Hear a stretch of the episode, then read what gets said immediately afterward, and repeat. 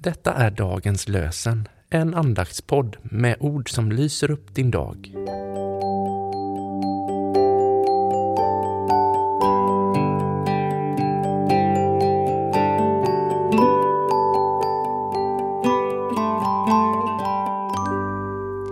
Det är tisdagen den 5 september och dagens lösenord kommer ifrån Jesaja kapitel 44, vers 22.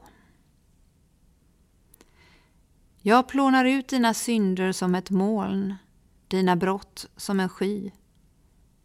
Vänd tillbaka till mig, jag har friköpt dig.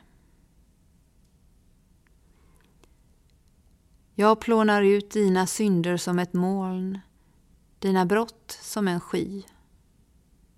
Vänd tillbaka till mig, jag har friköpt dig. Och från Nya testamentet läser vi ur Kolosserbrevet kapitel 2, vers 14. Gud drog ett streck över det skuldebrev som belastade oss med lagens krav. Han har utplånat det genom att spika det på korset. Gud drog ett streck över det skuldebrev som belastade oss med lagens krav. Han har utplånat det genom att spika det på korset.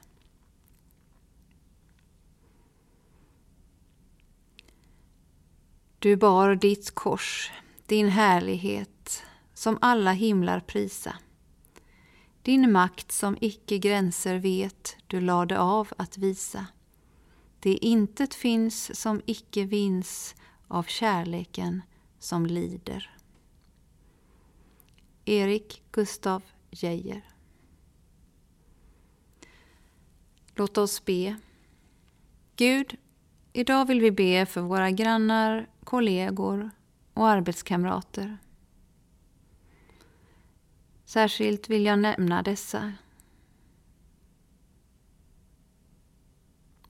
Vi ber för alla som arbetar i samhällets socialvård och i kyrkans diakoni.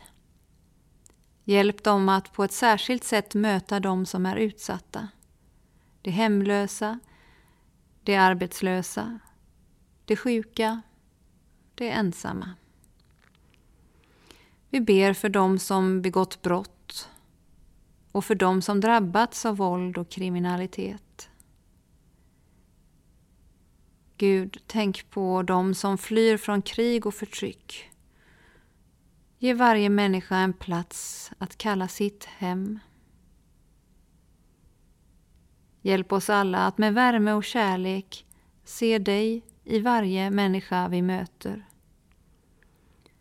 Låt våra församlingar bli platser präglade av vänskap och trygghet. Herren välsignar dig och beskyddar dig. Herren låter sitt ansikte lysa mot dig och visar dig nåd. Herren vänder sitt ansikte till dig och ger dig sin fred. Amen.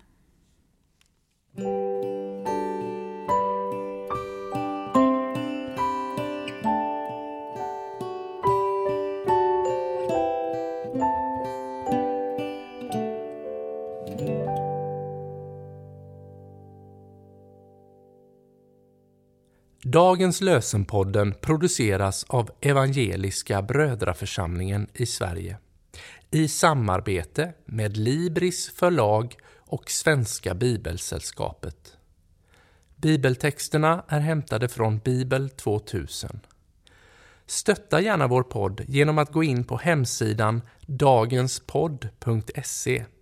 Där finns information om oss som medverkar och alla episoder finns att ladda hem där.